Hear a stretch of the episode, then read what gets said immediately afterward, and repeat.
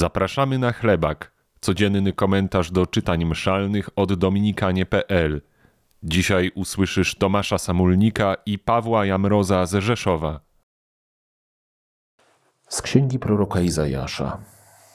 Ja, Twój Bóg, ująłem Cię za prawicę, mówiąc Ci: Nie lękaj się, przychodzę Ci z pomocą. Nie bój się, robaczku Jakubie, nieboraku, o Izraelu.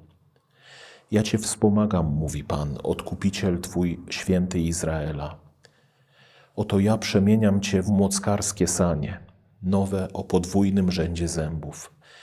Ty zmucisz i wykruszysz góry, zmienisz pagórki w drobną sieczkę. Ty je przewiejesz, a wicher je porwie i trąba powietrzna rozmiecie. Ty natomiast rozradujesz się w Panu, chlubić się będziesz w świętym Izraela. Nędzni i biedni szukają wody i nie ma. Ich język wysekł już z pragnienia. Ja, Pan, wysłucham ich, nie opuszczę ich ja, Bóg Izraela. Każę wytrysnąć strumieniom na nagich wzgórzach i źródłom wód w pośrodku nizin. Zamienię pustynię na pojezierza, a wyschnięto ziemię na wodotryski. Na pustyni zasadzę cedry, akacje, mitry i oliwki. Rozkrzewię na pustkowiu cyprysy, wiązy i bukszpan obok siebie. Aby widzieli i poznali, rozważyli i pojęli wszyscy, że ręka Pana to uczyniła, że święty Izraela tego dokonał. W 41 rozdziale y, Księgi proroka Izajasza, którego fragment jest treścią dzisiejszego y, pierwszego czytania, Bóg y, mówi znowu, przypominając: Nie lękajcie się, i zapewnia: Ja przyjdę ci z pomocą. Ja jestem. Nie musisz się bać. Nie lękaj się. Kto ma Boga, ten może czuć się bezpieczny. Ten tym nie kieruje lęk, nie paraliżuje go, nie determinuje jego postępowania, jego myślenia. Ale kto ma Boga, dlatego Bóg jest pocieszeniem. I On jest dla niego pomocą, wsparciem, ocaleniem. On daje poczucie bezpieczeństwa. Dalej mówi Bóg: Wykupiłem cię. To znaczy, nie jesteś niczyim niewolnikiem, jesteś odkupiony. Zapłaciłem już za ciebie należną cenę, którym jest, którą jest moje życie. Nie jesteś niczyim niewolnikiem, jesteś wolny, mówi do nas Pan. Więc korzystaj mądrze ze swojej wolności. W jaki sposób? Pan mówi, respektując prawo wolności. Prawo wolności, czyli prawo Ewangelii, prawo wolności, czyli prawo miłości wobec Boga, siebie samego i bliźniego. Jak wolnym człowiekiem trzeba być, aby to prawo móc w możliwie najpełniejszy sposób tu na ziemi realizować. I Bóg mówi: respektuj prawo, respektuj moje przykazania, respektuj Ewangelię, innymi słowy, kochaj, a będziesz szczęśliwy.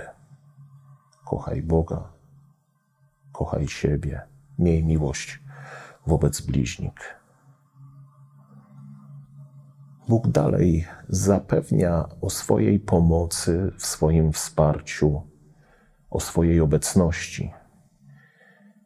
W tym wszystkim Bóg nie daje nam y, tylko recept, ale jest drogowskazem i konkretnym wsparciem w realizacji właśnie tego prawa wolności. Nie zostawia nas w tym wszystkim samych, bez mapy, bez objaśnień, bez Y, potrzebnej pomocy, ale daje nam często w życiu wszelkie środki, których potrzebujemy, aby to prawo realizować w sposób często niełatwy, ale jednak daje nam ku temu okoliczności, wspólnoty, daje nam drugiego człowieka, wyposaża nas w odpowiednie y, dla nas dary, talenty, uzdolnienia, które w konkretnych okolicznościach życia, w jakich stawia nas Jego opatrzność, są dla nas pomocne i właśnie są środkami naszego uświęcenia, naszego dobrego korzystania y, z naszej wolności i co więcej, pomocy innym w tym wszystkim.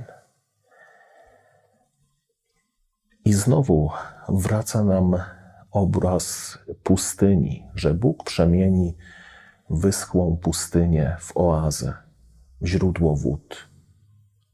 Bóg da życie owej spieczonej ziemi, o ile tylko zaprosimy Go do niej, do owej spieczonej ziemi, która jest właśnie obrazem naszego życia, często naszego środowiska, w, których, w którym przyszło nam funkcjonować. Bóg może uczynić cud. Oby ten obraz y, spieczonej ziemi, która tak często wraca w księdze proroka Izajasza był dla nas umocnieniem, abyśmy o nim pamiętali. I przede wszystkim, aby on w nas budził nadzieję na to, że Bóg naprawdę może dokonać różnego rodzaju cudów w naszym życiu, choć po ludzku wydaje nam się to niemożliwe.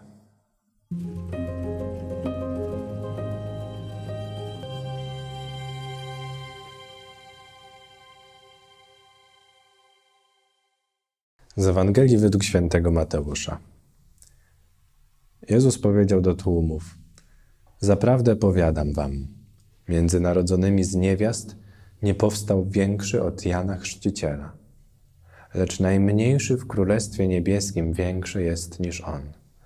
A od czasu Jana Chrzciciela aż dotąd Królestwo Niebieskie doznaje gwałtu i ludzie gwałtowni zdobywają je. Wszyscy bowiem prorocy i prawo prorokowali aż do Jana. A jeśli chcecie przyjąć, to on jest Eliaszem, który ma przyjść. Kto ma uszy, niechaj słucha.